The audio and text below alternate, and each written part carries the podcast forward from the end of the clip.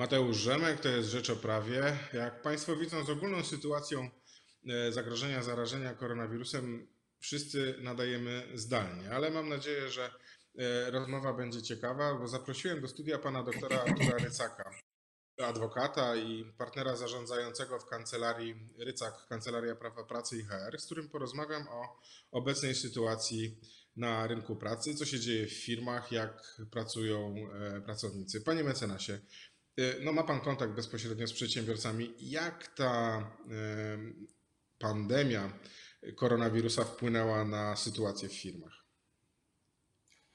Dzień dobry. Trzeba powiedzieć przede wszystkim, że ona zaskoczyła bardzo wielu pracodawców, to znaczy pracodawcy nie do końca wiedzieli, jakie narzędzia stworzyć. To narzędzie, jakie stworzył rząd w postaci ustawy, specustawy z 2 marca 2020, no w niewielkim stopniu mogło pomóc, dlatego że praca zdalna, która już wcześniej mogła być wykonywana, obecnie jest możliwa do wykonania z mocy tej ustawy. Przy czym poza tą pracą zdalną pracodawcy nie bardzo wiedzą, z jakich narzędzi mogą jeszcze korzystać. Czyli wejście tej epidemii jakby tak w życie z dnia na dzień pokazało słabość polskiego prawa pracy i jednak jego bardzo dużą nieelastyczność. E, zarówno z punktu widzenia czasu pracy, wynagradzania, a także niesamowicie osłabiło, e, czy pokazało słabość umów śmieciowych, tak zwanych umów śmieciowych, no bo tutaj jak wiemy, osoby, które na takich umowach pracę wykonują, e, bardzo podobną często do pracy na podstawie stosunku, okazuje się, że z dnia na dzień pozbawieni są w zasadzie prawie jakichkolwiek praw, poza ewentualnie z ubezpieczenia społecznego. W firmach to jest różnie, w dużych firmach, jak patrzę na, na naszych klientów, jest mniej więcej tak, że jakieś 7, 8 do 10% osób pracuje na miejscu, y, ale tam, gdzie y, jest to możliwe, wszyscy wysyłają pracowników na pracę zdalną. No dobrze, ale to mówi się o tym, że około 20% y, rynku, czyli około tam 2 milionów pracowników jest w stanie, jest, pracuje w takich branżach, gdzie ta praca zdalna jest możliwa. A co w sytuacji, kiedy mamy do czynienia z firmą produkcyjną, w której jakby no nie ma możliwości pracy przy komputerze, no bo pracownik musi być na miejscu, musi być tak. przy linii, musi, y, no, wykorzystuje pracę swoich rąk. Y, I czy wtedy pracodawca ma y, jakąś możliwość zadbania o zdrowie tych pracowników, chociażby na przykład badania ich na wejściu do firmy. Dużo się o tym mówi, że takie uprawnienie powinni mieć, ale Państwowa Inspekcja Pracy odmawia im tego prawa, mówi, że przepisy pozwalają wyłącznie na badania wstępne, okresowe, czy tam, gdzie jest e, podejrzenie e, ryzyka choroby zawodowej, ale pracodawcy jednak wykonują takie badania. Ja się pracodawcom nie dziwię, dlatego że gdyby potem doszło do jakiejś sytuacji zakażenia, jakichś powikłań czy śmierci, no to będą szykowały się pozwy cywilnoprawne i o na przykład o rentę czy o zadośćuczynienie z tytułu śmierci albo z tytułu rozstroju zdrowia. Także ja się pracodawcom nie dziwię. Otóż sytuację mamy taką przepisy z zakresu BHP dają bardzo poważne obowiązki pracodawcom, takie jak dbanie o bezpieczeństwo i zdrowie pracowników, e, jak ostrzeganie pracowników o y, istniejących czy grożących niebezpieczeństwach itd., tak itd. Tak Czyli ogólne przepisy są bardzo daleko idące, dają szerokie, daleko idące obowiązki, a z drugiej strony dają niewielkie uprawnienia. I teraz można powiedzieć tak, skoro przepisy są niedostępne w takich sytuacjach jak epidemia, ewidentnie, to pracodawcy powinni chcą elastycznie korzystać z tego, co, co, co potrafią, czego, y, jakie mają narzędzia, y, wyprowadzając podstawy prawne takich działań z ogólnych przepisów PHP. E, zatem na przykład problem badania y, temperatury, myśmy się w kancelarii na tym zastanawiali, czy to jest dopuszczalne działanie, czy niedopuszczalne działanie. W końcu uznaliśmy, że tak, to jest dopuszczalne działanie, bo to nie jest ogólnie badanie stanu zdrowia pracownika polegające na tym, że ja wydam jakąś nozę, na co on jest chory, tylko to jest prewencja, polegający na tym, że jeżeli ja widzę, że pracownik na przykład kaszle albo ma jakieś objawy chorobowe, ale przecież pracodawca się nie zna na tym, jakie są to objawy chorobowe, czy też y, jest możliwość podania e, gorączki pracownika, to wtedy pracodawca może wykonać prewencję zdarzeń. Bada gorączkę pracownika na wejściu, dbając o zdrowie innych pracowników. Ma wtedy wątpliwości, czy pracownik jest w ogóle zdolny do wykonywania pracy. Wysyła go do lekarza. Le i sekwencja powinna być taka. Pracownik wraca do pracy z zaświadczeniem lekarskim, że jest zdolny do pracy,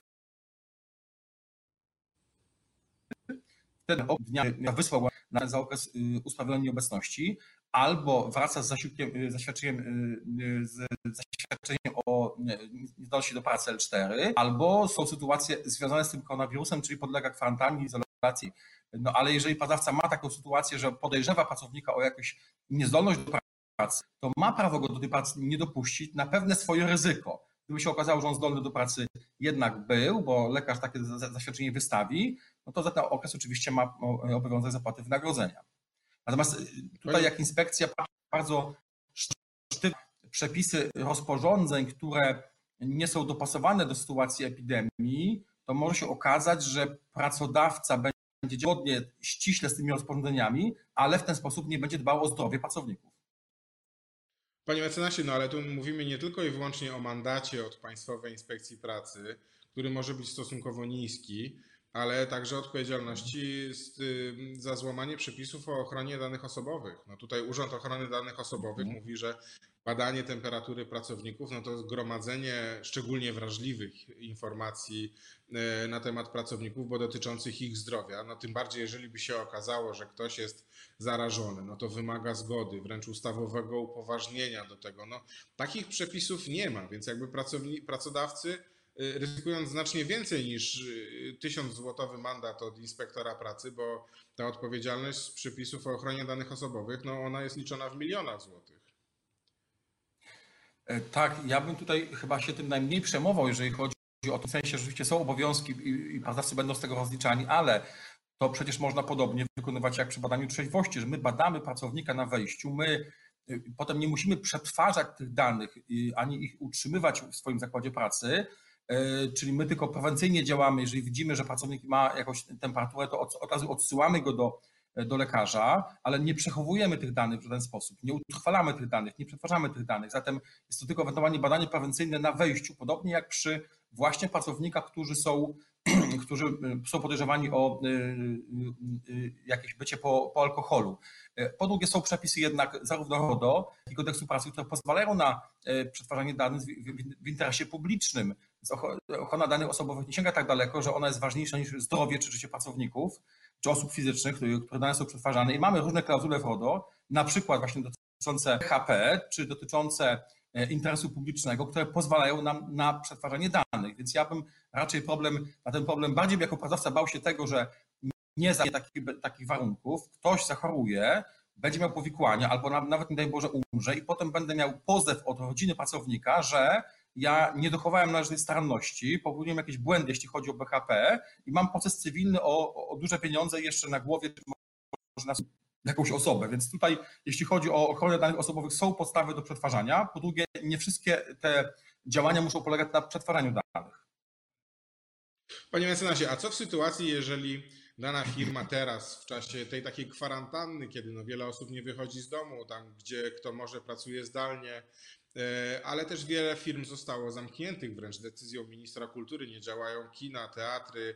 E, premier e, zarządził ostatnie zamknięcie restauracji, galerii handlowych. Co może zrobić taki przedsiębiorca, który ciągle musi wypłacać wynagrodzenia pracowników? Co może zrobić zgodnie z przepisami, żeby ograniczyć teraz, już teraz te koszty wynikające z epidemii koronawirusa? Bardzo dobre pytanie, bo to szczególnie będzie dotyczyło małego biznesu i średniego ta, ta epidemia, więc tutaj znowu prawo pracy daje możliwości, a daje następujące. Można się umówić z pracownikiem na urlop bezpłatny, no ale wiadomo, że pracownicy na się nie zgodzą, bo nie chcą, nie chcą być pozbawiani pieniędzy na, na życie. Można umówić się z pracownikiem na urlop urlopowy, ale tu musi być zgoda pracownika na taki urlop.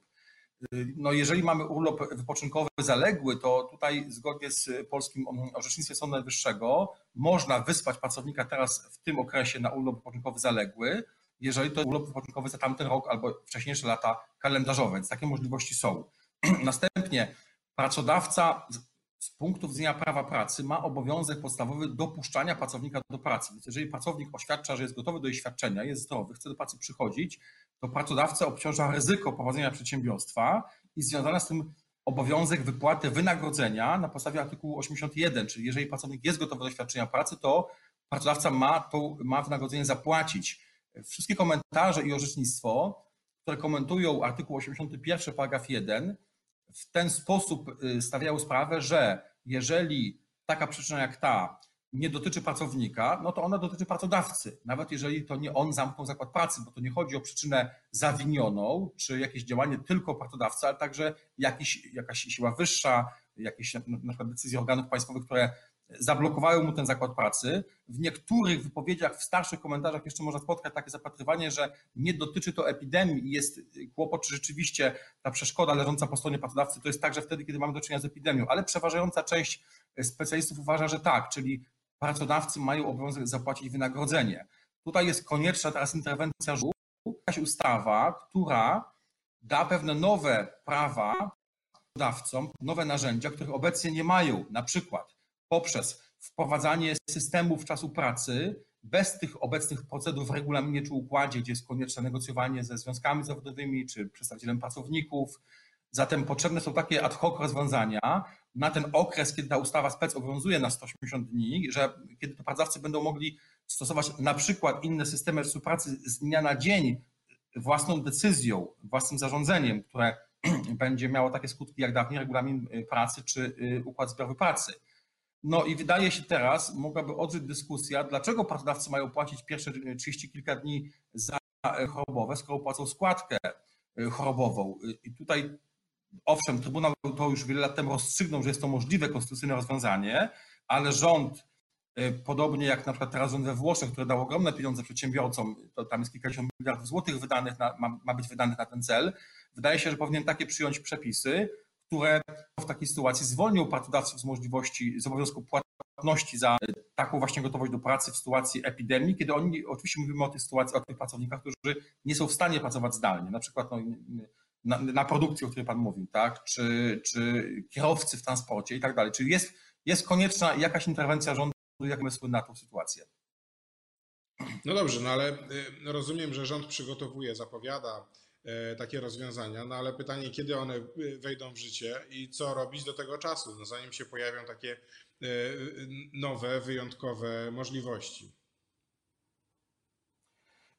Tutaj w zasadzie niewielkie możliwości ma pracodawca.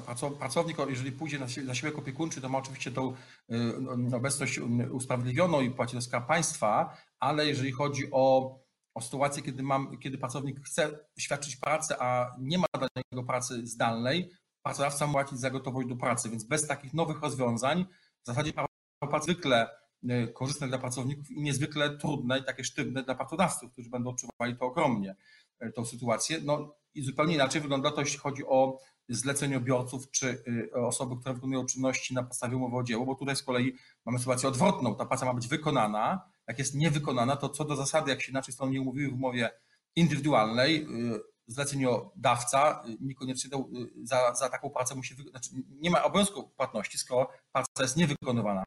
Panie redaktorze, naprawdę polskie prawo pracy chroni, od samego początku było tworzone po to, żeby chronić pracowników i w taki, takiej sytuacji jak obecna jest prawie że do tego nieprzygotowany kodeks pracy ani ustaw szczególnych. No dobrze, panie mecenasie, no to czekamy w takim razie na propozycję rządu. Zobaczymy, co tam się znajdzie, co szczególnie dla pracodawców, żeby im pomóc i walczyć z koronawirusem, ale także skutkami finansowymi tej epidemii. Jak na razie bardzo panu dziękuję za rozmowę. Dziękuję.